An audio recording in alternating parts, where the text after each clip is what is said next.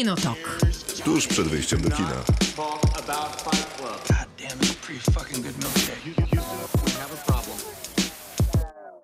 Krzysztof Majewski, dzień dobry. Miłosława Bożek, dobry wieczór. Maciej Stasierski, dobry wieczór. E, Dzień dobry, witamy serdecznie. To jest Kinotok. Będziemy rozmawiać o filmach i serialach, czyli dokładnie tak jak zawsze. Dzisiaj mamy dużo tematów do przegadania, bo będziemy zaczynać od mechaniki kwantowej i determinizmu od Alexa Garlanda, czyli serial Devs na HBO Go. Później będą nasze filmy ukochane i wspaniałe i te, które lubimy bardzo i wspominamy je świetnie, a tak się składa, że akurat w tym momencie są dostępne w streamingu. I Dla mnie takim filmem, i to z okazji jego dwudziestolecia, mianowicie 20 lat upłynęło od premiery Gladiatora i o nim będę opowiadał krótko, acz treściwie mam nadzieję, a Maciej opowie o Y, W filmie Witness, Świadek z 1985 roku. szybka matematyka 35 lat. 35 lat, tak. Z Harrisonem Fordem w roli głównej. Bardzo młodym Harrisonem Fordem. No nie, Nie aż takim takim młodym, ale bardzo seksownym I Harrisonem bardzo- Fordem. To zaskakujące w sobie. Nie tak bardzo. A ty, Miłka? Ja nie zrozumiałam tego, że to mają być nasze ukochane filmy i po prostu zrozumiałam to jako polecenia na czas kwarantanny i co tam możemy zobaczyć na internecie i platformach i wybrałam świetną rozrywkę, zaskakującą, a wydaje się, że w temacie zombie już za wiele nie można zrobić świeżego, czy w temacie slasherów, czy w temacie horrorów, czy w temacie komedii.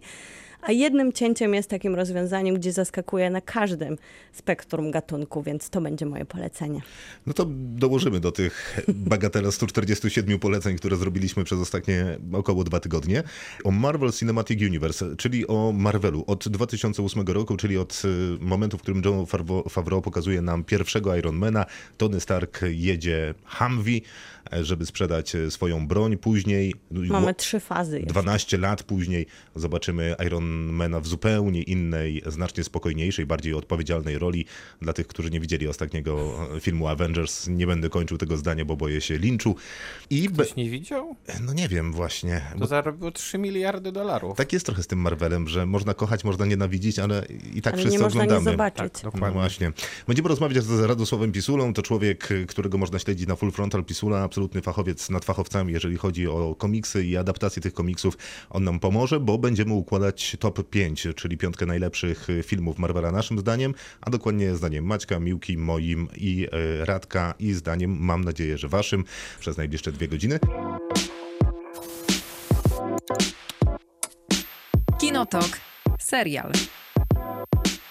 No i chciałbym powiedzieć, że to jest bardzo głośny i bardzo dobrze znany serial, ale nie jestem ty- o tym wcale Taki tak bardzo znowu... głośny jest. Zupełnie nieznany. Taki niszowy bardzo. Wcale nie jestem taki święcie przekonany o tym, Kikowski. gdybyście dali mi skończyć zdanie, to by zabrzmiało dokładnie tak.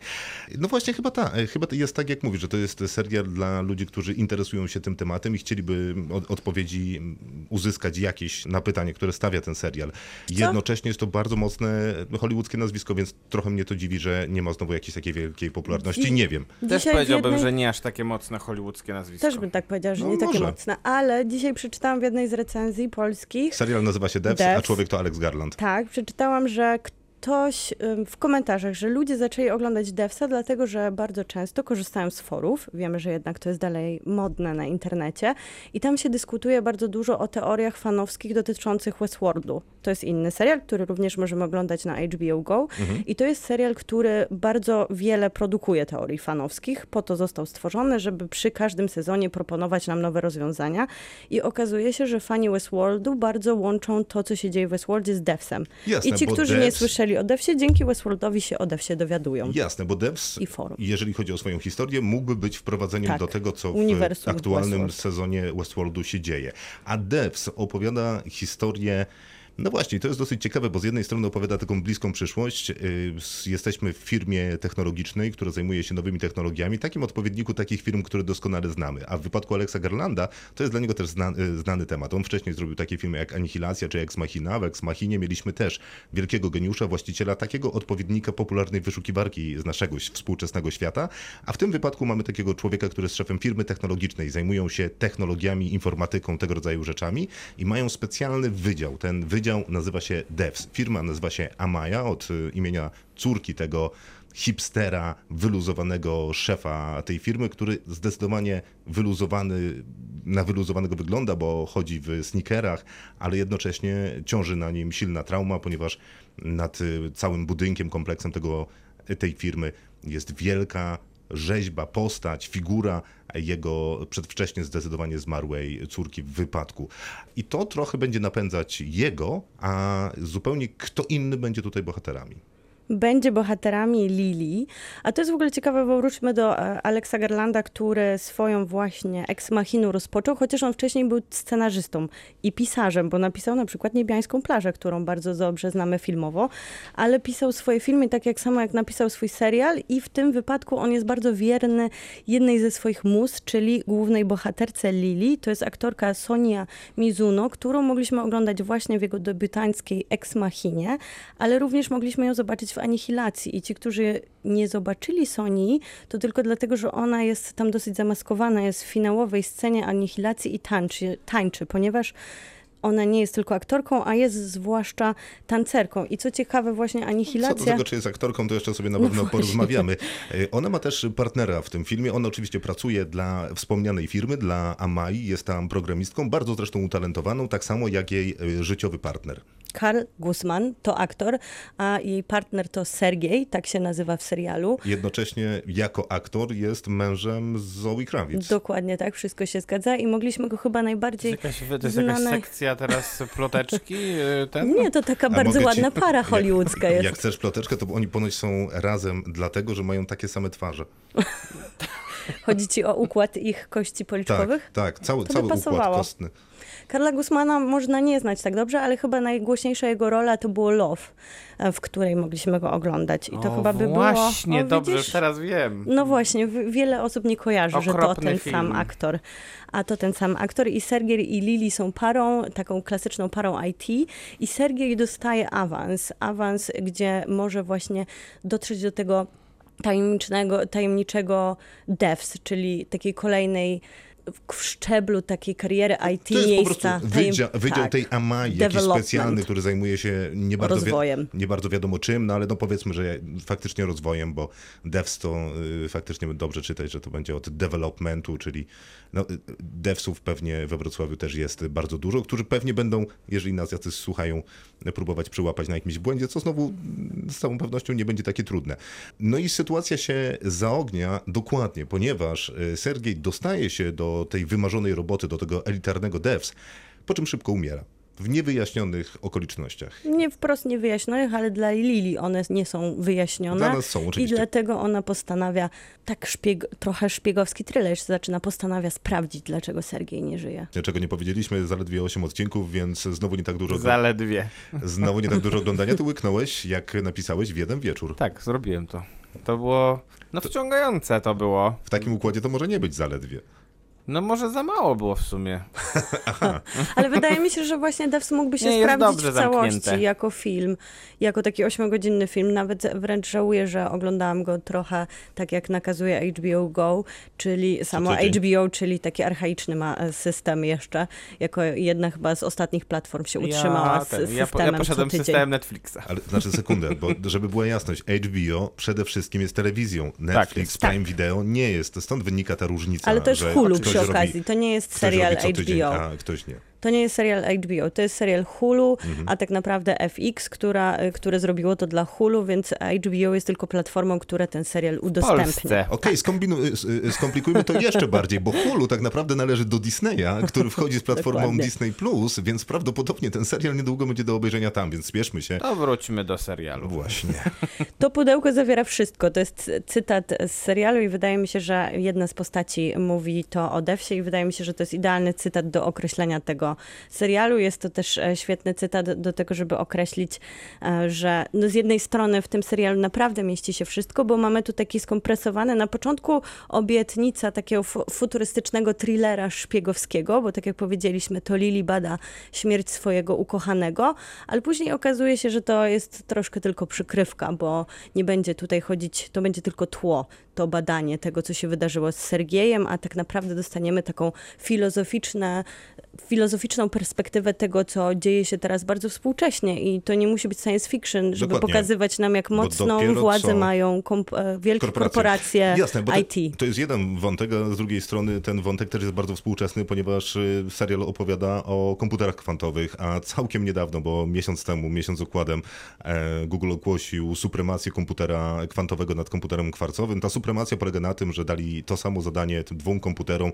Komputer kwantowy policzył to w tam jakieś kilka sekund, czy tam ułamek sekundy, a komputer kwarcowy musiałby to liczyć latami. Najsilniejszy superkomputer na świecie, który istnieje w tym momencie, należy do IBM-u, ma tam jakiś super czegoś tam ploty, mm, super moc obliczeniową, no a ona jest nieporównywalna do komputera kwantowego, który działa w ten sposób, że zamiast zera i jedynek ma pozycję super jednostki tego kwanta, dzięki czemu jego wydajność jest geometrycznie większa. To tak w skrócie, te komputery kwantowe, które w tym momencie mamy w takich fazach testowych, eksperymentalnych, mają 1, 2, 4 kubity, chyba 4 miał ten, który był tą ogłoszony jako ta supremacja nad komputerami kwarcowymi, e, a ten, który oglądamy w serialu, bo jest tam taki komputer kwantowy, e, oni nie Który mówią, wygląda zupełnie inaczej niż wyobrażałabym sobie komputer kwantowy. a wygląda dokładnie tak jak komputer kwantowy, y, który w tym momencie mamy na świecie i którymi dysponujemy.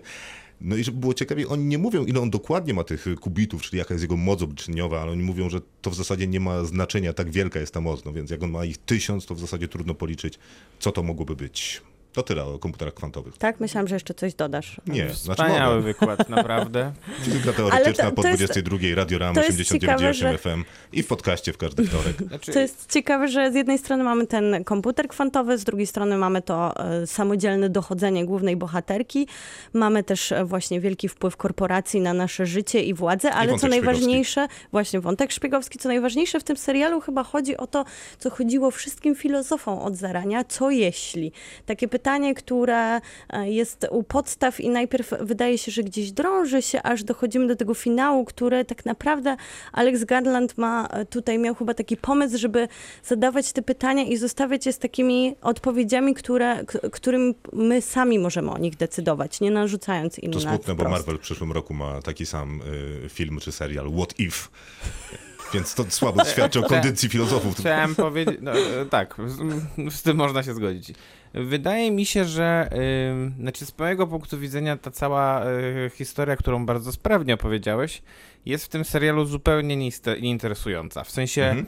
dla mnie to był serial głównie o jednak e, jakichś moralnych rozterkach e, tego, w jaki sposób e, można, czy należałoby badać przeszłość, nasz wpływ na nią i tak dalej, i ewentualnie na przyszłość też, e, i w jaki, do, do jakiego stopnia. Czyli ty obejrzałeś efekt motyla trochę.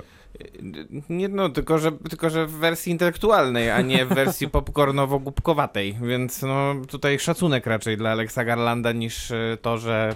No ale nie uważasz, że troszkę o tym jest ten serial jednak? Szczególnie w kontekście tej postaci tego Foresta granego przez Nika Offermana, to on, on sam on sam jest y, bardziej chyba wizjonerem niż geniuszem, bo geniuszem to bardziej są ci ludzie, których on zatrudnia i ta, ta dziewczyna, która jest jakby szefową tych wszystkich ludzi, grana przez Alison Peel, one, ona, je, ona się zajmuje tą, tą warstwą naukową, a on jest raczej inspiratorem. On jest właśnie takim Steve'em Jobsem bardziej niż Steve'em Albo Wozniakiem. Billem Ga- Gatesem, ja go jednak widzę jako takiego on jest bardziej humanitarny i cała ta jego filozofia i jego żal, bo też jego historia Totalnie, no. pokazuje o tym, że on to wszystko robi w imię takiej wię- większej, większego celu, ale z jednej Nieprawda, strony... w ogóle jest nie, to, nie, no nie. ale nie, nie, on ma tak stara się wyglądać, cel. tak, tylko mówię, no on ma, ale tylko to takie No dobra, to wrażenie sprawia, Jest ale wydaje mi się, wątek. ja chciałam jeszcze tylko Maćkowi odpowiedzieć, że z jednej strony to jest pytanie o człowieczeństwo, ale wydaje mi się, że to jest bardziej taki Matrix i pytanie o symulację, o to, czy, która rzeczywistość jest prawdziwa i co moglibyśmy zasymulować i co jest tak naprawdę u podstaw To mo- prawdziwe. m- Może a... mnie bardziej co? interesują wątki ludzkie niż te mechaniczno-techniczne i, i to zawsze chyba tak było. Dlatego Mhm. zostałem prawnikiem. Ludzkie prawo. Sed lex, dura lex. Natomiast y, pewnie oboje macie trochę racji, natomiast wydaje mi się, że ten serial całkiem nieźle łączy się wokół być może jakichś tam em- emocji, bo jednak tym, co napędza głównego bohatera jest miłość i to, że on znajduje rozwiązania technologiczne, to one służą tylko i wyłącznie temu, żeby to uczucie, które Tak, tak. utracił w wyniku tragicznego wypadku, mogło do niego powrócić. I taka miłość realistyczna, a nie taka jak e, Ale u bez kompro- Christophera Nolana. E, Tak, ale bezkompromisowa. E, Taka O, miłość po totalnie, trupach, tak. że Taka strasznie samolubna. cokolwiek by się nie działo, to ja, ja, ja, bo ja chcę, Bo- a tak się składa, że jednocześnie mam możliwości. To jest ciekawe, bo, Bo to, jest nie jest do zestawione... końca miłość, to też jest, To jest odpowiedzialność zestawione. za czyny, bo To on się czuje winny za śmierć swojej córki, więc czu, szuka tak naprawdę usprawiedliwienia tej No to sytuacji. jest powiedziane właściwie wprost. Więc nie jest to do końca miłość, jak e, szukanie wybaczenia dla siebie samego, bo jeżeli świat będzie deterministyczny, tak jak chciałby zobaczyć to Forrest, to w tym momencie niezależnie co on by uczynił, jego córka i tak musiała zginąć. Być może jest najwyższa pora na to, żebym zaczął na ten serial narzekać. E, Więc Alex Garland i jego serial Devs, y, który ma super temat, całkiem y, naprawdę sprawnie realizuje go Co wizualnie. ciekawe, można powiedzieć, że ma wiele tematów bardzo sprawnie Tak. zdążających do kompletnego finału, bo jest to bardzo przemyślany serial, który w stanie Znaczy, jest mhm. zmieścić różne wątki, tak jak mówiliśmy, szpiegowski, Tak. fizykę kwantową, filozofię, pytanie o człowieczeństwo, Tak. o światy i o determinizm, o żal i miłość, wszystko tam jest. Tak, ale to prawdopodobnie y, poza tym wątkiem rosyjsko-szpiegowskim kręci się wokół tej fizyki kwantowej, wokół tego komputera i wokół tego głównego bohatera, który napędza jakby tę historię. Dlatego nie mogłem się nadziwić, po co jest cały ten wątek, e, właśnie ten szpiegowski. Wydawało mi się to taka proteza, która będzie napędzać tę y, fabułę w momentach, w których za długo mówi się o fizyce kwantowej, mechanice kwantowej, o komputerze e, i trochę chyba tak faktycznie było, przynajmniej ja odnosiłem takie wrażenie. Jednocześnie imponujące jest to, jak Garland potrafi tłumaczyć skomplikowane, zawiłe kwestie związane właśnie z jakimś tam superpozycją jednostek, liczeniem jakichś dziwacznych rzeczy, e, a pozostając przy tym e, bardzo wysublimowanym artystą, bo jednak kiedy on pokazuje coś w kadrze, to widać, że to jest przemyślane, zaplanowane, wcześniej pewnie rozpisane. Te ujęcia niektóre są bardzo galeryjne, co teraz wydaje jak, mi się dużym tak, plusem. jak możemy teraz zobaczyć e, bardzo dużo zdjęć na internecie z samego serialu, Mhm. to widać te ujęcia, które są w 100% przem- przemyślane, Tak. jak na przykład Forest, który stoi za aureolą, która sugeruje pewną religijność, która również się pojawia w tym serialu jako taka duża, mitologiczna Bardzo kwestia, istotna którą... kwestia, bo on jest mm, Mesjaszem Niby, można by, niby, tych- sam się, tych chrześcijańskich- samozwańczym. Chrześcijańskiej symboliki jest bardzo dużo.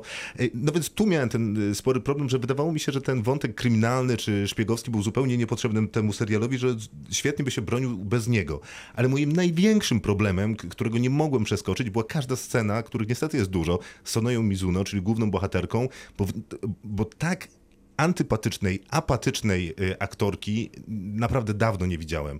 To była super ciekawa, skomplikowana wewnętrznie i zewnętrznie postać, napędzana dramatem, pasją i wieloma innymi rzeczami. Bardzo dużo rzeczy zamkniętej w jednej postaci, a wydaje mi się, że nie była w stanie unieść jednego dialogu. Była antypatyczna, nieciekawa, była dokładnie taka jak Alicia Vikander w wcześniejszym filmie Garlanda, czyli Ex Machina, tyle że Alicia Vikander w tamtym filmie grała robota, e, a Sonoya Mizuno robota nie gra, a gra jak robot, więc y, na pewno jest świetną tancerką. y, Tak a propos, y, ona chyba jeszcze w La La Land wystąpiła, a propos tańczenia, e, ale naprawdę wydaje mi się, że jest aktorką, która nie była nawet w ułamku w stanie unieść tej postaci. Ja bym chciała odpowiedzieć na ten wątek szpiegowski, bo ja uważam, Proszę że to bardzo. jest świetnie, świetny element, który rozbija tą taką lekką ciężkość filozoficzną, którą ma ten serial, który większość e, pewnie z widzów cieszy, bo jednak jest wymagającym, a z drugiej strony dosyć prostym elementem, żeby wprowadzić takie wątki bardziej refleksyjne i teoretyczne do serialu, a zwłaszcza takim cieszącym, bo można mocno później dyskutować, ale ten wątek szpiegowski tak na początku daje taką fajną obietnicę, która się w sumie też wpisuje dobrze w scenariusz. To Ale wiesz, ta się nie rozmywa. świątynia w lasach y, Doliny Krz- Krzemowej dla mnie jest wystarczająco Ale wspaniałą świetnym obietnicą. mrugnięciem oka Nie, jest ten ale- taki trochę rosyjski świat, który wraca taki archaiczny. Ile razy może Nie, wrócić nie, ale rosyjski świat? Jeszcze nie Indiana Jones niech przyjdzie. Nie dałoby się, ale nie dałoby się stworzyć serialu, który miałby 8 odcinków bez jakiegoś wątku, który by napędzał jakąś energię. Przecież no o czym ty mówisz? No to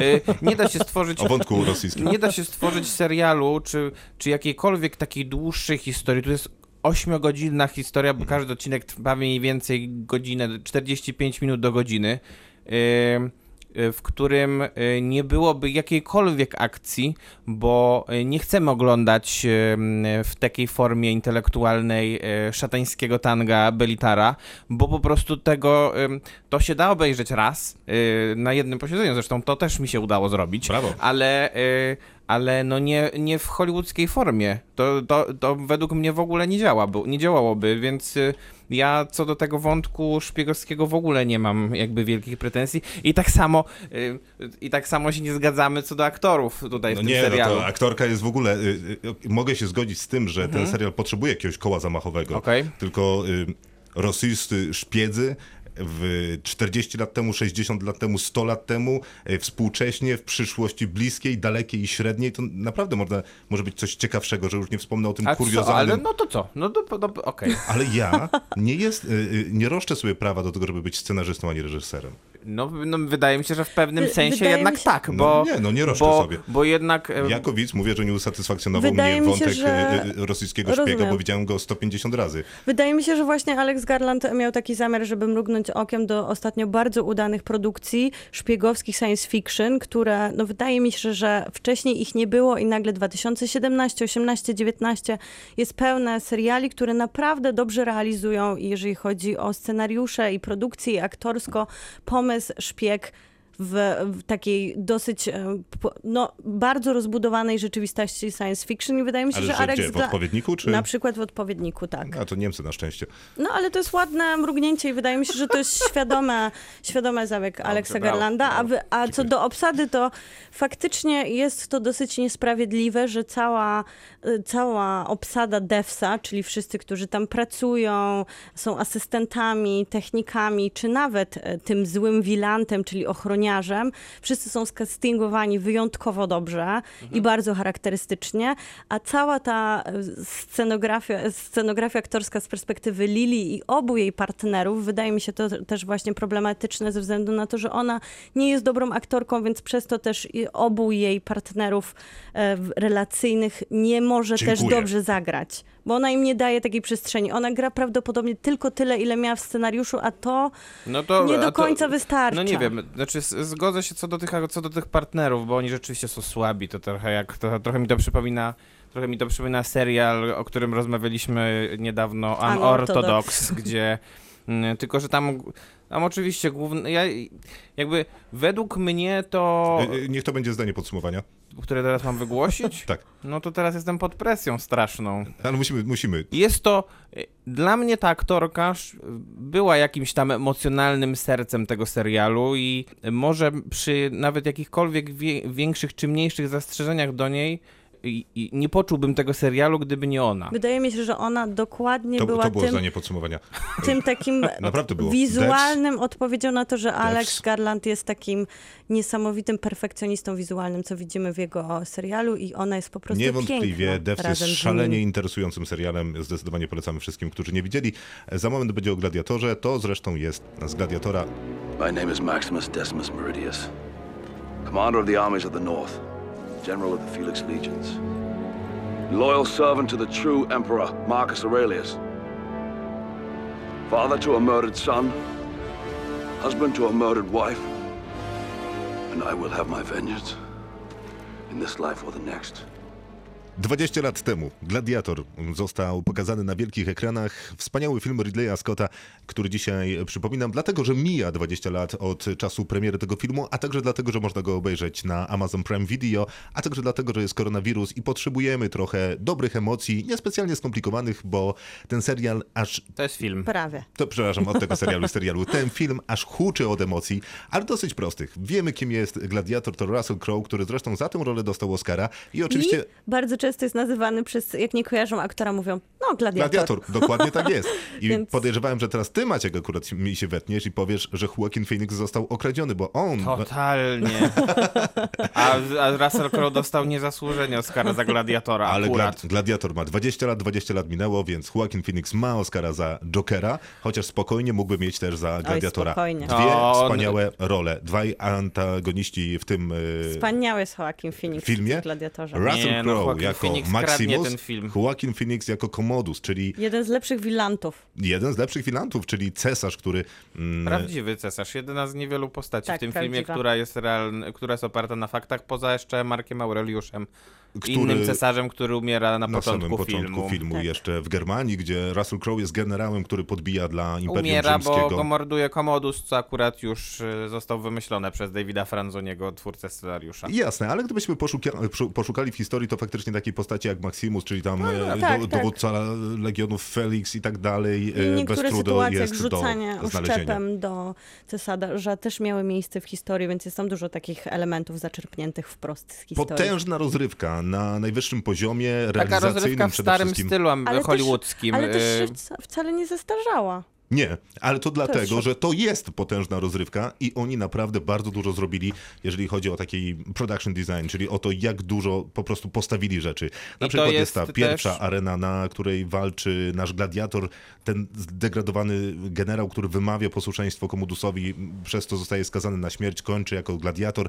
Całą tę arenę y, postawiono od zera, z wypalanej celowo na te potrzeby cegły, postawiono. Zresztą Koloseum w Rzymie tak, postawiono. Dodano parę pięter oczywiście Dodano, tak. komputerowo, ale kawał tego budynku Ale lepiej postawiono. wygląda niż na przykład w Quo Vadis Jerzego Oj, Kawalerowicza. tak. To prawda, ale y, Z, tych samy, z tego samego okresu film. kiedy spojrzymy na Gladiatora w tym momencie, to on nadal bardzo dobrze wygląda. Tak, bo to, był, bo to był taki ostatni chyba rzeczywiście wizualny też triumf Ridleya Scotta, y, który za ten film Oscara za reżyserię nie dostał.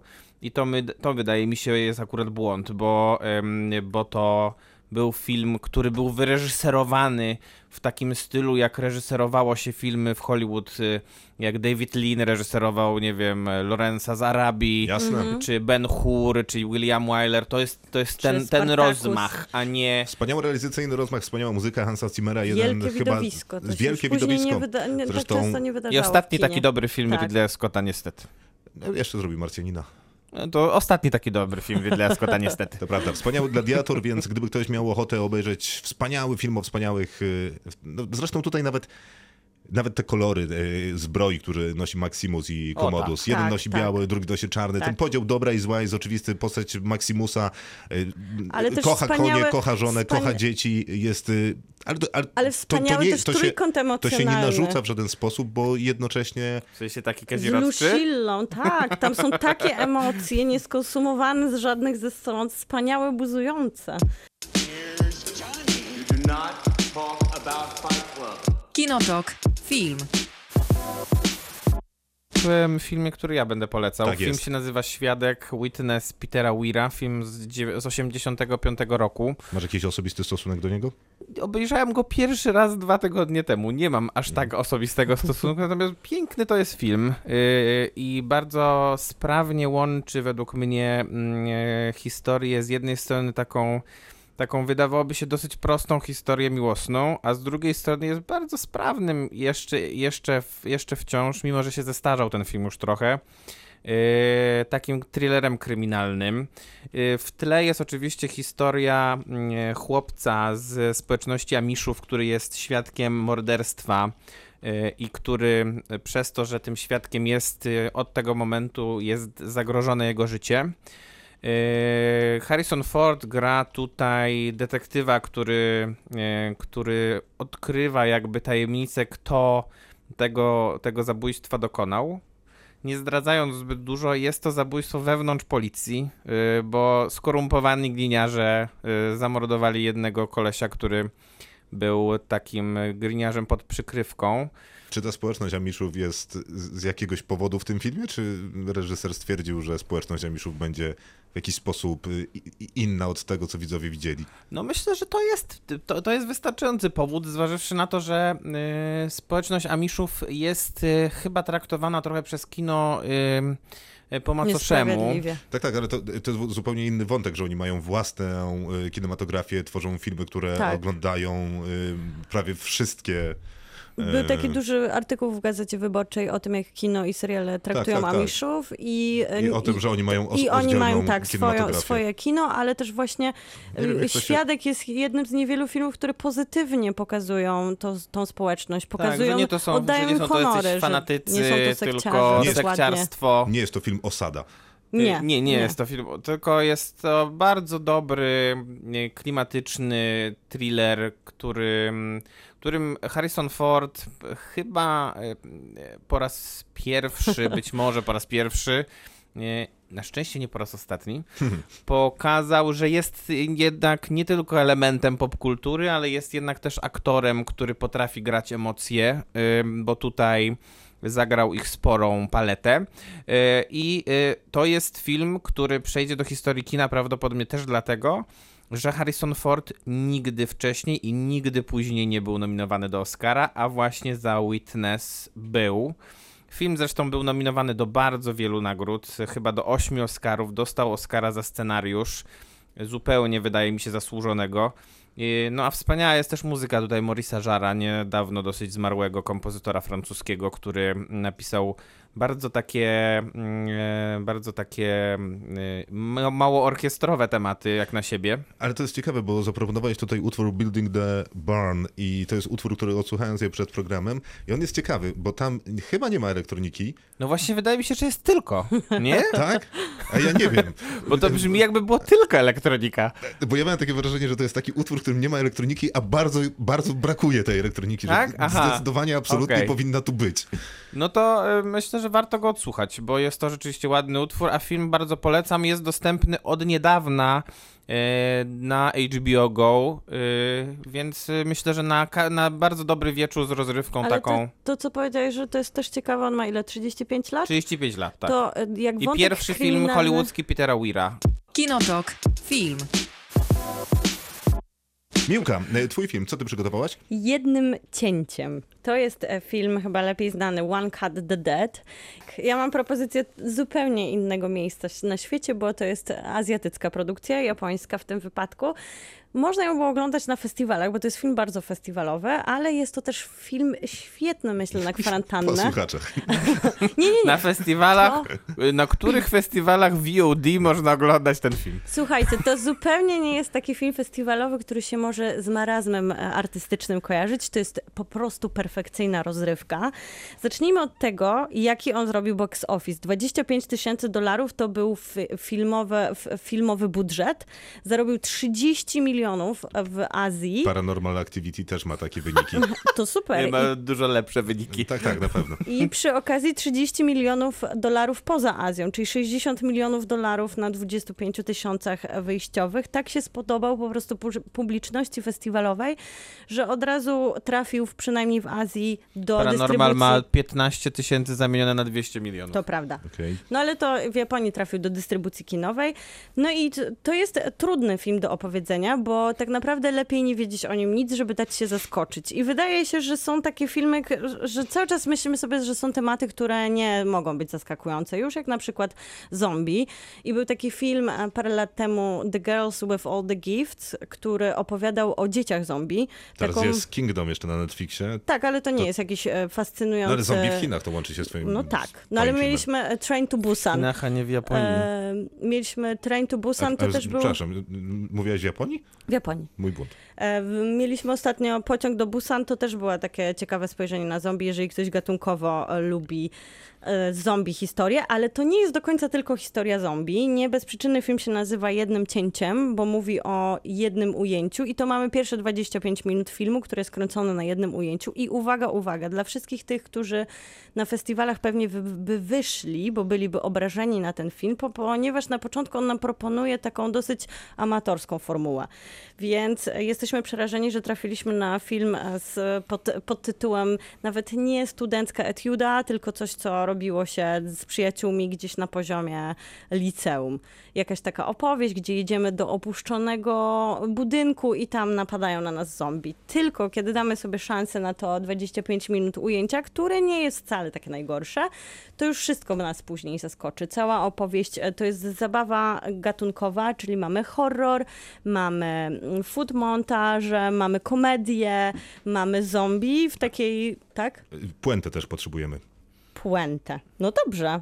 Proszę uruchomić Mubi, który daje ostatnio dużo darmowych propozycji, zwłaszcza Na jeżeli trzy ktoś... miesiące też. Tak, na trzy miesiące. A jeżeli ktoś ma Mubi, to może się podzielić z kimś, kto Mubi nie ma i do e, tego właśnie link do samego jednego filmu mu wysłać i to niech będzie właśnie jednym cięciem. Trzeba pamiętać, że Mubi ma ten krótki okres, że filmy mają 30 dni i znikają, więc jednym cięciem ma jeszcze z dwa tygodnie i to jest po prostu fantastyczna dwugodzinna rozrywka, gdzie będziemy się śmiać, może momentami bać, ale raczej to jest z tych przyjemniejszych horrorów i na pewno coś, czego dawno już nie poczułam, takiej świeżości i zadowolenia po seansie. Kinotok. Film. Czas na tego obiecanego Marvela, czas na MCU, na Marvel Cinematic Universe, czas na stworzenie top 5. Z nami redaktor Radosław Pisula. Dzień dobry. Dzień dobry. O, jak się świetnie słyszymy, To się nazywa jednak technologia. Człowiek od podcastu, ale też autor 112 patentów, głównie rozmaitych urządzeń elektrycznych, z których najsłynniejsze to silnik elektryczny, prądnica prądu przemiennego, autotransformator, dynamo rowerowe, radio. Dokładnie tak jest. To opis oczywiście z y, twojego fanpage'a Full Frontal Pisula, tam można cię śledzić. Napisy końcowe to podcast, którego częścią jesteś. Witamy serdecznie w Kinotoku, rozgość się, a jako, że y, dzisiaj rozmawiamy o Marvelu, to na powitanie gramy tak.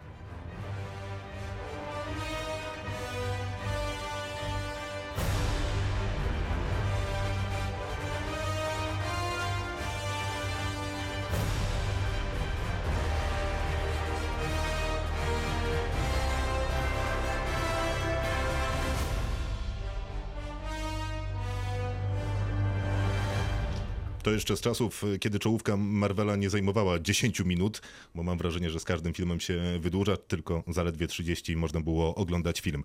No to y, słuchajcie, powiedzcie dwa słowa o Marvelu. Mm, Zaczniemy oczywiście od naszego szacownego i szanownego gościa. Czym dla ciebie jest y, Marvel, kiedy ta przygoda się zaczęła i też pytam o samo MCU i twoje doświadczenie, jeżeli chodzi o Marvel Cinematic Universe. A ja jestem dzieckiem posemikowym, wychowanym na komiksach ze Spider-Manem i, i, i z innymi bohaterami, którzy wtedy u nas pojawiali. MCU było dziwne na początku, bo się nikt nie, nie spodziewałem. Myślałem, że to będzie kolejny film z pochodu tych e, raczej słabszych. Przynajmniej pierwszy Iron Man na takiego się zapowiadał, bo i Downey Jr. był już po swoim najlepszym okresie i też inne filmy, które się wcześniej pojawiały, czy to Spider-Man 3, czy Blade Trinity, nie zapowiadały jakiegoś wielkiego przełomu w kinie. A tu nagle się okazało, że można zrobić film po prostu fajny, po prostu przygodowy, który będzie łapał za serce i daje nam spojrzenie na to, że jest jakaś jasna przyszłość przed tymi filmami. Czekaj, I ale już który później- to był film? E, Iron Man. Aha, okej. Tak, że to był ten taki e, przełom, który mi pokazał, że coś może jeszcze tkwić w tych superbohaterach, nie? I no i później to już poleciało samo siebie, to tak trwa ta piękna przygoda.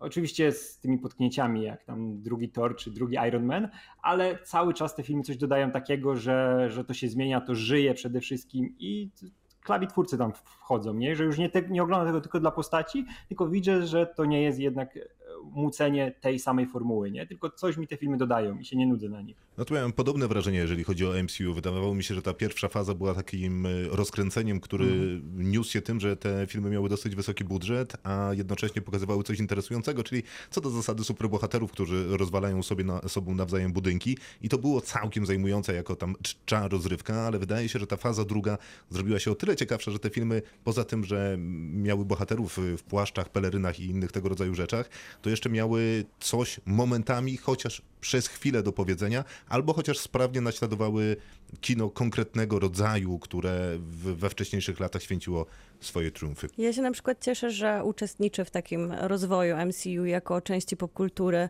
Jak myślę, że pokoleniowo można było się cieszyć, że Gwiezdne Wojny się oglądało jako młody człowiek i teraz do tego wracać sentymentalnie, to czymś takim jest Marvel Universe i my jesteśmy tego częścią, że widzieliśmy na początku właśnie tego subtelnego Ironmana, który nam pokazywał gwiazdę Hollywoodu, taką odradzającą się i charyzmatycznego jednego aktora, który w sumie przez całą tą, e, całe tę dekadę trzyma również ten sam poziom, czyli e, Downey Jr., ale przy okazji po prostu jest to jakaś taka część niepodważalna, zwłaszcza to, co się działo teraz pod koniec Avengersów. Jak żył tym świat, jak żyła tym popkultura, jak było to komentowane na wszystkich możliwych rozdaniach nagród, na każdym wallu, na każdym memie. Stało się to po prostu integralną na częścią. Nagrodach, no właśnie tak. na nagrodach chyba najmniej, ale... Ale po, pojawiały się jakieś żarty. Podobnie jak gra o tron gdzieś tam cały czas w tle się To pojawiała. stało po prostu naszą współczesną mitologią, Tak. nie? Tak. Zastąp tych greccy bogowie zeszli na ziemię.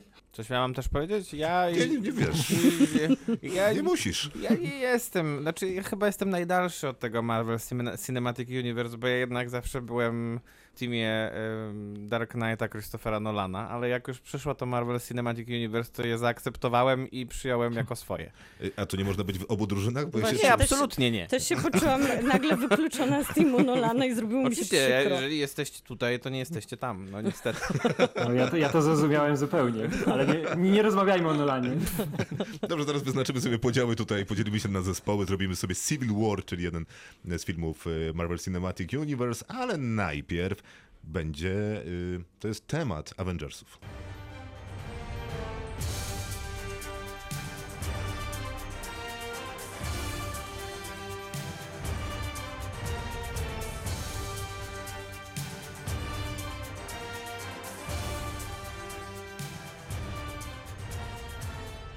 To, żeby dać wam jakieś inspiracje do tych top 5, które będziemy teraz prezentować, jeżeli chodzi o Marvel Cinematic Universe, to Bartek na naszym Facebooku pisze tak. Strażnicy Galaktyki, Iron Man, zgaduję, że pierwszy, bo nie ma nic więcej napisanego, Thor Ragnarok, Czarna Pantera, Avengers. I to jest zestaw, którego bym nigdy nie wymyślił. A to był piękny temat. y, Ten, ten temat jest epicki, ale na Sylwestriego. Tak, Tak, absolutnie fantastyczny. Dodam jeszcze, że Lara wymyśliła taki zestaw. Jest to Kapitan Marvel, Thor Ragnarok, oba pajączki, no i dwie ostatnie części Avengersów. To się składa na pięć, jest to się sześć. składa na sześć, ale okej, zaliczamy. Radosław. E, To ja zacznę jedynym filmem z pierwszej fazy w moim zestawieniu na piątym miejscu i tutaj też będzie połączenie z Alanem Sylwestrem od razu, bo u mnie na piątym miejscu jest e, Kapitan Ameryka Pierwsze Starcie, który chyba, nie, chyba dosyć niespodziewany wybór to będzie, Halo? ale cały, cały, ale Wow. spróbuję go uzasadnić, spróbuję go uzasadnić, bo ja ten Wow. kocham miłością czystą. To jest cały czas strasznie niedoceniony film, który według mnie będzie się fantastycznie starzał. Bo Joe Johnston, on był strzałem po prostu w dziesiątkę, jeśli chodzi o właśnie stworzenie takiej ponadczasowej, w klasycznym stylu przygodówki, jak Indiana Jones. On świetnie czuje to, jak pokazać dawne czasy, tak, żeby no to się cały czas fajnie oglądało, fajnie wyglądało. I dostajemy tam zresztą multum takiej miłości do tego poczciwego Steve'a Rogersa. To jest dla mnie najlepsza geneza w MCU, scena z granatem, która od razu ustawia pionki na planszy, pokazuje ci dokładnie, kim jest ta postać. E, I to jest taka pełna, według mnie, wiwisekcja tego superbohaterstwa, takiego pozbawionego zupełnie ironii tej takiej tożsamej z dzisiejszymi filmami superbohaterskimi, takiego zupełnie altruistycznego i no, po tym filmie nie da się nie kochać tego chłopaka z Brooklynu. On ma dużo wad takich technicznych, ale jeśli chodzi o samą pokazanie właśnie tego, czym jest superbohaterstwo, żeby coś wynieść z tego filmu dla dzieciaków, no to dla mnie to jest najlepszy, najlepszy film MCU w tym stylu, żeby dzieciakom pokazać na sam początek. Ja to absolutnie kupuję, bo wydaje mi się, że faktycznie on ma taką duszę Indiana Jonesa, tylko wydaje mi się, że ten film był, miał brodę w momencie y, swojej premiery, y, dlatego zdziwił mnie y, twój wybór, ale A, no bo on, on, on, ale dlatego będzie ponadczasowy, zobaczysz. Że on już wtedy Spotkamy wyglądał się- staro i on zawsze, on zawsze będzie wyglądał tak samo staro. To sprytne. Zrobię stary film w dniu Dobre. premiery, zawsze będzie Ja stary. lubię, ja lubię filmy dla starych ludzi, ja kocham Spielberga, więc to dużo tłumaczy. Maciej, co jest u ciebie na piątym miejscu? U mnie Iron Man y, numer jeden, Johna Favreau. Film, który po pierwsze wprowadza wszystko, ten, wprowadza ten, to, to całe uniwersum. Po drugie przypomina o tym, że Robert Downey Jr. em, był po odwyku, to okazało się, że jest jednak aktorem bardzo wysokiej klasy. On jeszcze wystąpił w Kiski z Bang Bang i to jest dosyć ciekawe, bo jest tam Tak. jedno ujęcie, w którym jest takiej zbroi e, nie Ironmana, ale bardzo ją przypominającą. Tak, to był też taki okres, kiedy też wystąpił w Tropic Thunder, w filmie Bena Stillera, za który był zresztą nominowany do Oscara. Więc to był taki dobry okres Roberta Downeya Jr. Moja, moja wizja oglądania Marvela jest też taka, że ja lubię patrzeć na tych aktorów, bo oni są po prostu bardzo wysokiej klasy aktorami, bardzo dobrych rolach często w tych filmach, a poza tym no, no dobrze się na nich patrzy i w tym, serii, w tym filmie, jakby to źle nie zabrzmiało, wspaniale się patrzy na e, powracającą do bardzo dobrego aktorstwa Gwyneth Paltrow i myślę, że to jest po prostu bardzo fajna taka zabawa i takie dobre otwarcie tego całego uniwersum. Miłka? Ja miałam problem z piątką, bo bym tu chciała strasznie dużo upchnąć, ale mam Antmana. Myślę, że wszystkich zaskoczyłam też tym wyborem, ale ja bardzo, bardzo lubię debiut Paula Ruda w pierwszym nie, bo drugi już mnie nie przekonuje, gdzie po tym, Nie, co się działo w.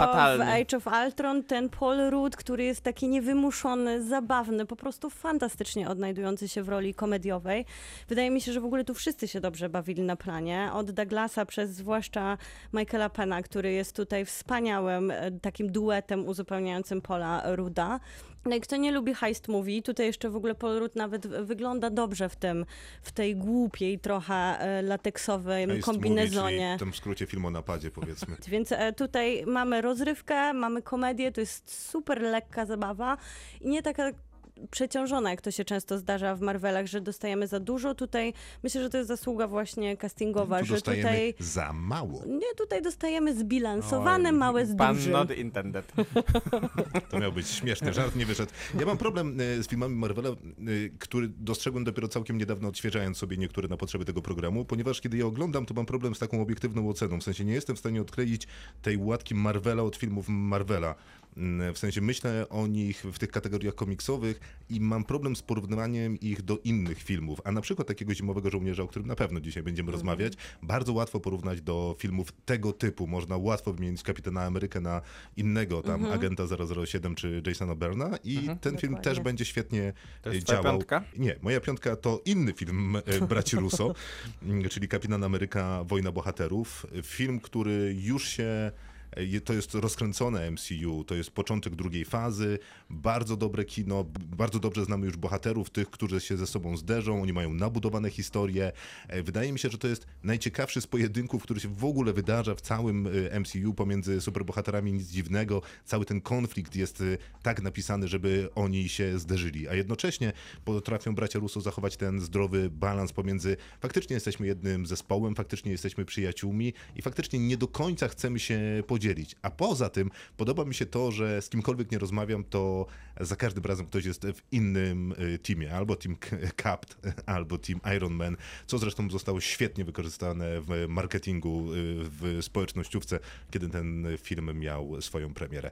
To moje czwarte miejsce to będzie film grupowy Avengers Infinity War, Wojna bez granic. Muszę mówić po polsku, to niech będzie, że Wojna bez granic. Dobrze? E, I e, nie mam na liście w ogóle Endgame, bo z Endgame mam ten problem, że tam w środku jest zdecydowanie za dużo fanserwisu, a znowu Infinity War to jest to konkretne kino inwazyjne z konkretnym złoczyńcą, gdzie akcja pędzi do jakiejś konkretnej kulminacji i nie ma tutaj właśnie co chwilę tego udowadniania, jakie to uniwersum jest fajne, jakie widzieliście fajne rzeczy przez ten cały czas. Przypomnijcie sobie, jak tam było fajnie w innych filmach.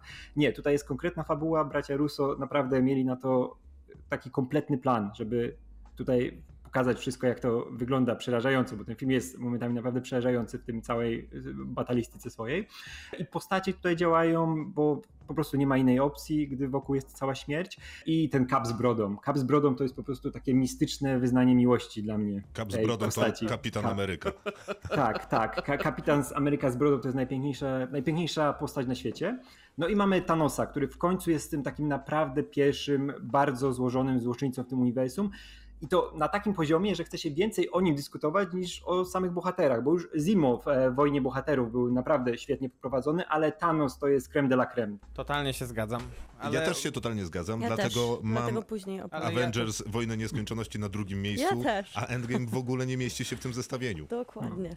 Ja mam na czwartym miejscu Kapitana Amerykę Zimowy Żołnierz. Wydaje mi się, że to jest... To, że jest to skandal jednak pewnego że za rodzaju. nisko, tak? Ja mam na tak, Bo. Stanisław Abramik, y, skądinąd z kina Nowe Horyzonty, mówię, że jest stamtąd i podpisuję go, dlatego że publicznie się wypowiedział na pytanie piątka filmów Marvela, najlepszych. Napisał Zimowy Żołnierz, Zimowy Żołnierz, Zimowy Żołnierz, Zimowy Żołnierz, Zimowy Żołnierz. Ja myślę, że to jest w tym całym uniwersum najlepsza gatunkowa próba, y, bo Też braci te inne Tak. filmy tych gatunków różnych szukały jakieś takie komediowe rzeczy, wymyślano, a tutaj jest próba takiego kina, takiego jakbyś chciał w Devs, do, e, tylko że tutaj jest lepiej zrobione po prostu to, bo tu jest rzeczywiście szpiegowskie, szpiegowski thriller e, bardzo, bardzo dobrym Robertem Redfordem na drugim planie jako takim jako takim politykiem e, działającym z tego z,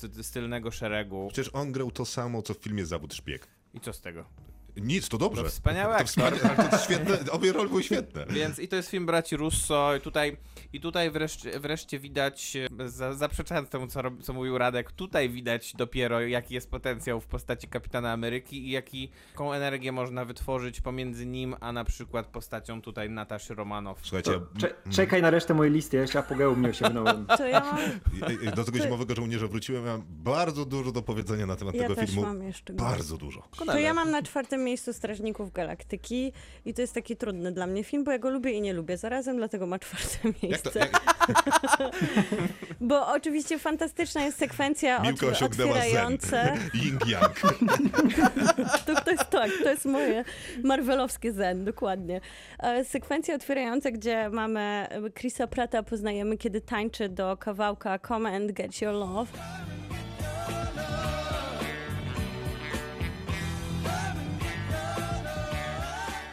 Które zapowiada, że coś nowego się zupełnie świeżego wydarzy w Marvelu. Jest wspaniała, zwłaszcza, że właśnie to zimowy żołnierz e, był przed, zaraz przed tym, co, co dostaliśmy, czyli Strażnicy Galaktyki 2014 to następna, następny film i zimowy żołnierz był jednak taką poważną, gatunkową rozrywką, a tutaj nagle dostajemy ferię kolorów zupełnie świeżych jak na to uniwersum bohaterów, którzy nie, nie przystają do tego, co nam wcześniej oferował Marvel. A No czemu w go tej- nie lubisz? Bo ja go już widziałem cztery razy i za każdym razem mi się Musisz wydaje, że, że to będzie to odkrycie, że ja zrozumiem, dlaczego ja uważam, że to jest taki fajny film w Marvelu, a później go oglądam to bardzo często, tam są mielizny. Ja się na nim w wielu momentach nudzę, bo poza tym, No że nie! jest świetna muzyka, Wow. Świetna muzyka, Dobra, Krzysztof, świetnie. y, wyłącz mikrofon, lecimy dalej. Zepsuł się.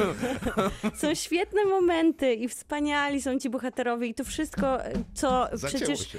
przecież już tak dobrze znamy z seriali, Czas, z filmów, czas. czyli sentyment do lat 80. Tylko, budowany słuchaj, na tej ścieżce dźwiękowej Mamy działa. reklamy do zagrania. Ale są tam małe mielizny, jak na tą dłużyznę filmu.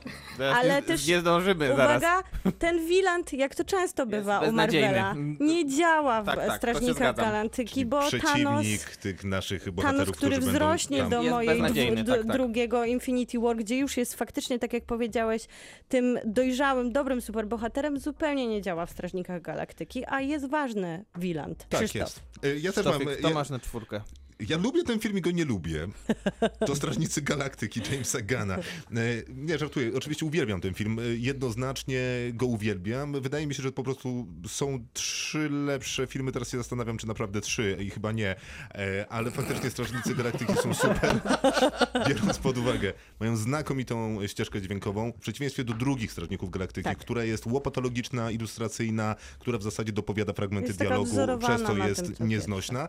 Jednocześnie pamiętam, kiedy ten film y, powstawał i były pierwsze artykuły, które mówiły, tak, w tym filmie będzie shop pracz strzelający z karabinu maszynowego. Ja mówię, drzewo. Co? Przecież to, nie, nie, to jest koniec Marvela. Wtedy mówiłem, Marvel się skończył. Teraz przeholują, nie dadzą rady tego dociągnąć. No i padłem ja, głównie ze śmiechu. E, To jest taki efekt, że wchodzisz do kina nawet z kompletnym dołem i wychodzisz roześmiana, masz ochotę założyć taką y, skórzany płaszczyk i tańczyć do tego kawałka, który Radek przed chwilą śpiewał ze swojego domu. To ja tylko jeszcze się ujawnię, y, u mnie Strażnicy Galaktyki są na trzecim miejscu. Na trzecim miejscu. Tak jest. Szanuję. Teraz Czyli z... lubi bardziej niż ty. zagramy Stora Ragnaroka, tylko niech Radek powie, co ma na trzecim miejscu. Już mam mówić dokładnie? Nie, tylko tytuł. To tylko powiem, że będzie to Iron Man 3. Radosław Pisura nadal z nami. A skąd ty nadajesz? Bo ja się tylko z tobą połączyłem tak jakoś technicznie, a nawet nie spytałem sk- sk- skąd my rozmawiamy. Ja ze swojego mieszkania. Skąd mam A ja nie wiem, no może przebywasz gdzieś w jakimś innym mieszkaniu, nie, w- nad morzem na przykład. Nie, chciałbym, chciałbym. Nie, w swoim mieszkaniu w Wrocławiu przebywam. Powiedz nam o Iron Manie Ważniejszy. trzecim. No ja jestem wielkim fanem Shane'a Blacka. Ja Uwielbiam jego wszystkie filmy, jego scenariusze, jego dialogi, właśnie to jego takie e, szaleństwo, jeśli chodzi o, o, o tworzenie swoich postaci i mocne skupienie na tych, na tych postaciach. On jest zawsze tak mocno nakierowany na nich. Zresztą on, kurczę, uwielbiam to, że on był tym najlepiej opłacanym scenarzystą w latach 90. i mógł sobie po prostu tak zrezygnować z tego, jak miał za dużo pieniędzy, bo go to denerwowało, co tam się działo. Więc ja szanuję takie podejście bardzo. E, I ten jego właśnie trzeci Iron Man to jest takie zupełnie bezczelne przeszczepienie do MCU z zasad e, kina akcji, już takiego zupełnie niebyłego, takiego właśnie w pełni skupionego na postaciach, e, no trochę właśnie jak na przykład Zabójczej Broni, no też scenariusz e, Shane'a Blacka, gdzie niby tam za czymś gonią, ale widz cały czas siedzi w głowie tej postaci, tam jak tam siedział w głowie Rixa, tutaj siedzi w głowie Starka. I tutaj cały czas jest właśnie to skupienie się takie na Starku, co było potrzebne po już tych dwóch filmach po Avengers. I to on jest najważniejszy, on jest tutaj pozbawiony właśnie tych zabawek, ma te zbroje, które się rozpadają przy najmniejszym dotknięciu, ale on cały czas musi udowadniać swoją wartość i pokazać, że właśnie jest tym wielkim inżynierem. No, I mechanikiem, jest- jak chce Tak, film. mechanikiem, tak, tak, tak. I to jest takie bardzo przemyślane rozwinięcie tej traumy po Avengersowej. Jest też dużo tej zabawy, takiej bezceremonialnej e, zasadami rządzącymi tym uniwersum. Cały czas kocham to, co tutaj zrobiono z postacią Mandaryna, e, który w komiksach to chyba nawet twórców nie obchodził. I tutaj się tym pobawiono, żeby w jakiś sposób zaskoczyć, żeby troszkę tych fanów zdenerwować. Ja bardzo lubię takie podejście. I no do dzisiaj ludzie nienawidzą tego filmu, ja go kocham, bo to jest taka czysto blekowska zabawa kinem i tymi właśnie takimi skostałymi gatunkowymi e, zasadami. Dlatego mamy na przykład tego dzieciaka, który jest takim mocnym nawiązaniem do tego kina nowej przygody z lat 80., gdzie Bo ta, jest- ta relacja jest fantastyczna. Bo jesteśmy połączeni. Mówi Stark i odjeżdża swoim e, samochodem, zostawiając Piękna chłopaka scena. na ulicy. Piękna scena. Miłka? Ja mam na trzecim miejscu Kapitana Ameryka Zimowego Żołnierza i to był pierwszy film, bo to drugi Kapitan Ameryka jest, ale pierwszy, który mnie przekonał do Kapitana Ameryki i Chrisa Evansa. Może nie Szybko tak poszło. do końca, ale no bo ja nie, da, do, chyba do końca nie, nie, nie wiem, czy jestem właśnie z tego teamu, który nie do końca ufa Evansowi, nawet jak e, dochodzimy no do... nie, no bez przesady. Pod koniec już się go lubi, ale Wolałaś jak krzyczał koniec się go fire i, i latał jako pochodnia? nie, tego nie O, wolałam. to wspaniałe było na pewno. Nie miałem niestety przyjemności. Co, nie widziałeś Fantastic Four? Nie. Ha, To popatrz, Jesteś tyle zwolniony. Na, drobie, na drobie. No. Ale zobacz, zobacz tą wersję Kormana z 94, nie tą późniejszą.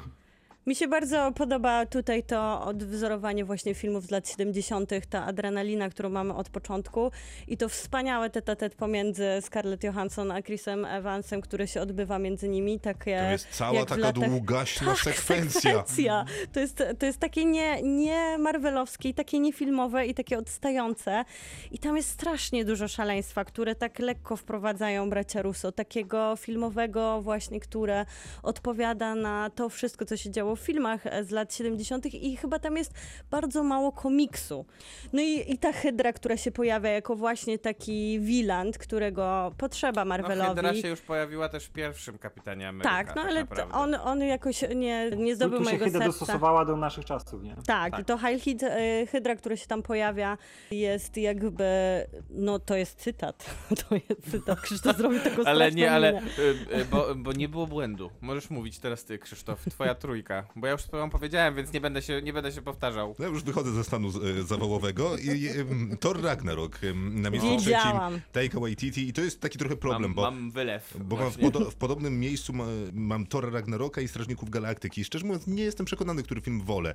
Wydaje mi się, że wolę Serio? Ragnaroka, ponieważ jest skoncentrowany jednak wokół jednej postaci, a jednak jak ta odpowiedzialność rozkłada się na parę nawet bardziej interesujących, no to jest to... Ciekawe, oba filmy Mniej- mają złych wilantów. mówi- I Thor postaci Ragnarok Hulku. i... Halku, dokładnie. że Hanku.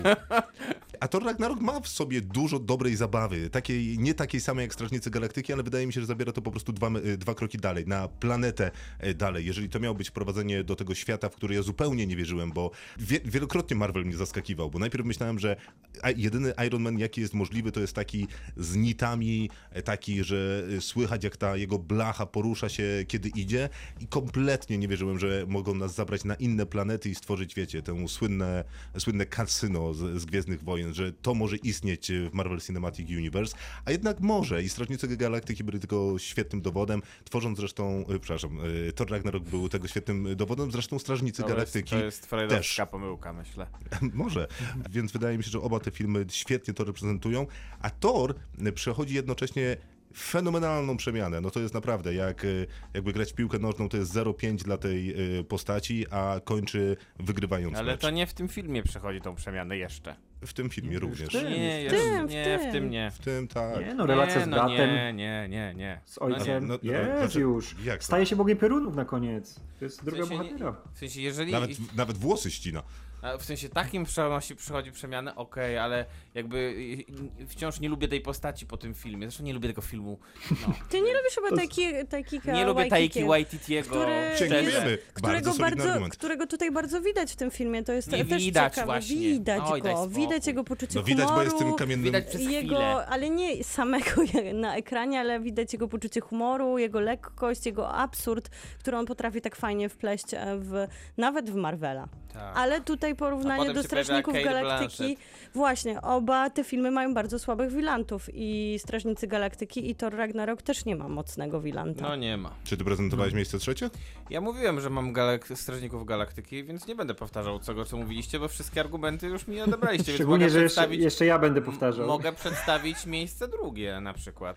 Miłka zaczyna, Czemu nie nasz bo było gość? losowanie. A, rozumiem. To ja mam Avengers e, Wojna bez granic po polsku. I to jest taki film, który mi uświadomił, ile można zmieścić Marvela w Marvelu. Całe dekady układania tych postaci starannie i planowania spójnie składają się na Avengersów, tych przedostatnich, bo wydawałoby się, że powinni się złożyć na ostatnich, ale nie napra- złożyło. Ale się nie złożyło. Nie złożyło się na składanie. Ale udało się w 2018 właśnie Infinity War. No i oczywiście ten cliffhanger, który dostaliśmy, już tacy trochę przyzwyczajeni do oglądania wciąż seriali, które stały się taką naturalną, już popkulturową sytuacją i filmowo nic innego jak Marvel nie mógł, nie może nam zagwarantować czegoś takiego jak zrobienie cliffhangera w filmie, który trwa ponad 3 godziny i kończy się no Dobrze, Krzysztof, ale chyba to nie było jednak takie boom jak w No jak, w Infinity Insygniach śmierci? A, To ja nie, nie pamiętam tego w Insygniach Śmierci, pamiętasz? Tak. No ale tutaj, tutaj dostaliśmy to zaskoczenie i naprawdę szanuję to, że wszyscy ci bohaterowie się spotykają i, i wszystko tam jest zrealizowane. To znaczy, to jest już taka czysta rozrywka. Takie doświadczenie, które trochę fizycznie wręcz wypruwa. Ja się zastanawiam, jak można Infinity War oglądać w domu, bo to jednak jest widowisko, które wydaje mi się idealne na IMAXa, które zobowiązuje wizualnie, jest wielkie, tak jak dzisiaj Rozumiem, mówiliśmy że o... oglądałeś ostatnio, tak? Dwa razy, ale wydaje mi się... I co, i jak to wygląda na No mamę? nie wiem, bardzo dobrze. Wydaje mi się, że to jest jakąś taką y, y, kinową snopką. Tak Y, jest, albo, brawo. albo IMAX, albo nie oglądam. Ale seriale to ogląda na tym małym komputerku. Mieszkam we Wrocławiu w dużym mieście, więc z Nie. mojej perspektywy na, na laptopie to w ogóle nie ma sensu. Na, na laptopie Jest, nie ma bracia sensu. Russo są mocno serialowymi reżyserami, więc oni potrafią na mały ekran i to przekuć. No właśnie dlatego tutaj wspominam ten cliffhanger, który tak był e, idealny w telewizji i nagle ktoś go przenosi do kina, niemożliwe wręcz. Dostajemy to boom na koniec, bardzo szanuję tych Avengersów, chociaż wydawaliby się przeładowani, nie męczą, a cieszą. Radosław Pisula, Full Frontal Pisula tam na Facebooku grasuje. Y, Co masz na miejscu drugim? Na drugim miejscu mam Strażników Galaktyki. Tu już nie będzie za wiele zaskoczeń do końca listy. I jak usłyszałem tylko to właśnie hej, hej, what you matter with your hair? To w tym momencie wiedziałem, że Chewie, jesteśmy w domu, to są moje Gwiezdne Wojny. Jak mnie zawiódł Abrams swoim powrotem i tą kalkomanią z oryginalnej trylogii, tak tutaj dostałem dokładnie wydestylowaną tą magię tego bujania się po kosmosie, tych dziwnych postaci, które do siebie niby nie pasują, a znajdują jakiś wspólny język i wspólnie odpychają to wielkie, wielkie zło. Zresztą ten tytuł, Strażnicy Galaktyki, to tłumaczy wszystko. Brakowało mi takich tytułów w kinie. A propos w tym tego, czasie, kiedy byli... a propos tego wspólnego języka, jest taka, taki uroczy moment, kiedy Groot rozmawia z Torem. Tak, We Are Groot. I okazuje się, że Thor miał gdzieś tam fakultatywnie y, A, o tak, język tak, tak, tak, tak. Ale w Strażnikach jest jeszcze ta scena We Are Groot, nie? To wiesz, że oni są rodziną, oni są wszyscy jednością. To jest tak pięknie. I już w ogóle y, palicho z tym, że ja bym chciał być Torem, a i tak zawsze mi będzie najbliżej Petera Quilla, bo to tak najczęściej się kończy. E, Ale James Gunn to jest świetny reżyser, taki y, całkowity swojak. On rozumie, jak powinno kino dla takich ludzi jak ja działać, wychowanych na tych wszystkich śmieciowych filmach, które miały zapewnić właśnie taką rozgrywkę, takim dobrym tempie. To jest zresztą dziecko Tromy i Lloyda Kaufmana, więc to było zdziwienie moje największe, jak się okazało, że właśnie James Gunn został zatrudniony do filmu Marvela. Facet, który ma CV dosyć dziwaczne do momentu właśnie dostania, gdy, gdy dostał tą robotę. Zatrudnili go Zro- i od razu chcieli zwolnić przed drugą częścią. A to tak, to, a to już, to już przez inne, inne, inne rzeczy, ale tutaj się sprawdził idealnie i właśnie to jest taki film do wielokrotnego oglądania, żeby sobie nawet gdzieś w tle puścić, chociaż jako teledysk, bo no, wiadomo, że muzyka jest tam fantastyczna. I tutaj i fabuła, i aktorzy pracują ponad stan, żeby właśnie rozkochać widza w tych postaciach. I to działa za każdym razem, jest po prostu super fajny seans. Powinno się częściej w recenzjach używać słowa super fajnie, bo ten film jest dokładnie super fajny. I do tego stopnia lubię ten film, że nawet Quillowi wybaczam tego plaskacza, którego dał Thanosowi i spieprzył cały plan. Zepsuł cały plan. Maciej, co tam masz na miejscu drugim? Ja mam Kapitan Ameryka Civil War, czyli wojnę bohaterów. Którą mam ja na przykład na miejscu piątym. Tak, y, myślę, że to jest, y, i to pewnie jest niepopularna opinia, ale uważam, że to jest najlepszy Iron Man, jaki był w y, filmach Marvela. W sensie najbardziej złożona kreacja tego bohatera w, I ma rację. w tym filmie i to znowu są bracia Russo, a druga rzecz, która już chyba była wspomniana, to jest ten bardzo nietypowy, a jakże świetny wilen, którego tutaj gra e, Daniel Bryl i on no, wygląda jak facet w swetrze, a naprawdę potrafi e, manipulować wszystkim, A do co tego się jest da. wspaniała intryga przecież Tak. podpisana do zderzenia tych dwóch grup, które uparcie nie chcą się ze sobą zderzyć głowami, czego najwyraźniej chciałby cały świat.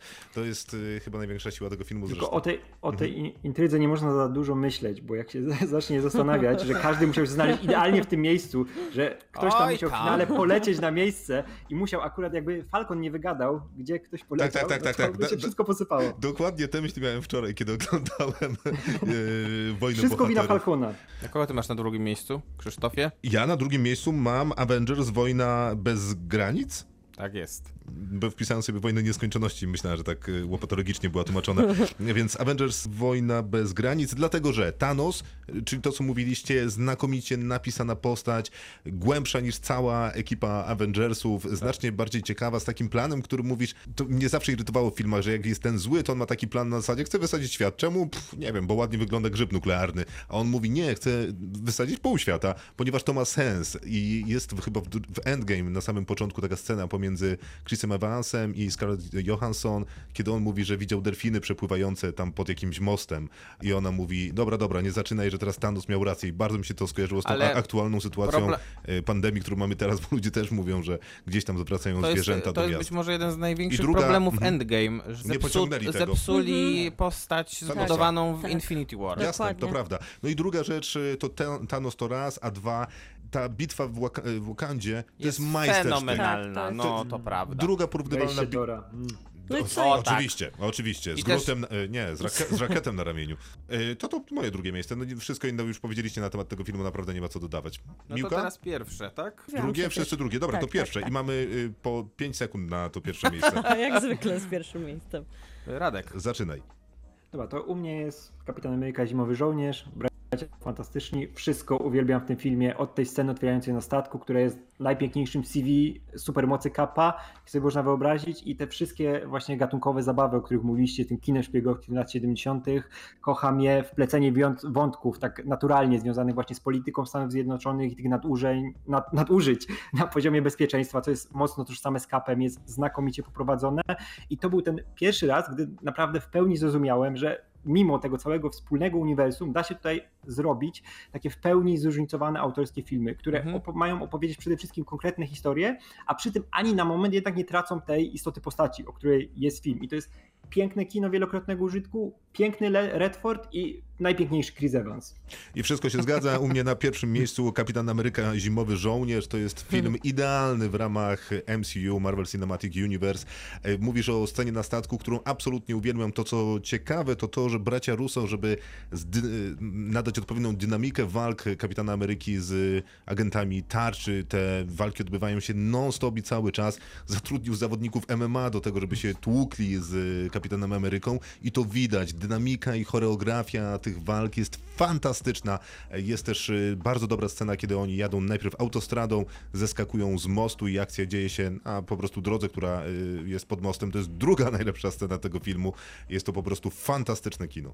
W pierwszym miejscu zaskoczę was Avengersów z 2012, tych pierwszych Avengersów, ale trochę dlatego, że dla mnie to jest film ważny, bo pokazało to, co już teraz jest dla nas takie, co dla nas jest takie oczywiste, oczywiste, czyli crossovery, czego nie było wcześniej w kinie w ten sposób, żeby zobaczyć po prostu tych wszystkich bohaterów na jednym ekranie. To było coś, co mnie to- na przykład osobiście o przekon- przeżyciu Tak, no, ale mnie oprze- osobiście przekonało do całego Marvel Universe, to właśnie Avengersi mnie do niego wprowadzili. Jak Ironmana polubiłam jako tego pojedynczego bohatera w 2008 roku, to ten 2012 to było to, co mnie po prostu na maksa przekonało do Avengersów. Mark Ruffalo, który zamienił Hulka, był świetnym wyborem castingowym i tam nagle oni się stali kompletną grupą. Poza tym ja naprawdę bardzo lubię Josha, Josha Whedona i to, co robił wcześniej, bo może to już... Niesamowite. Git, Maciej?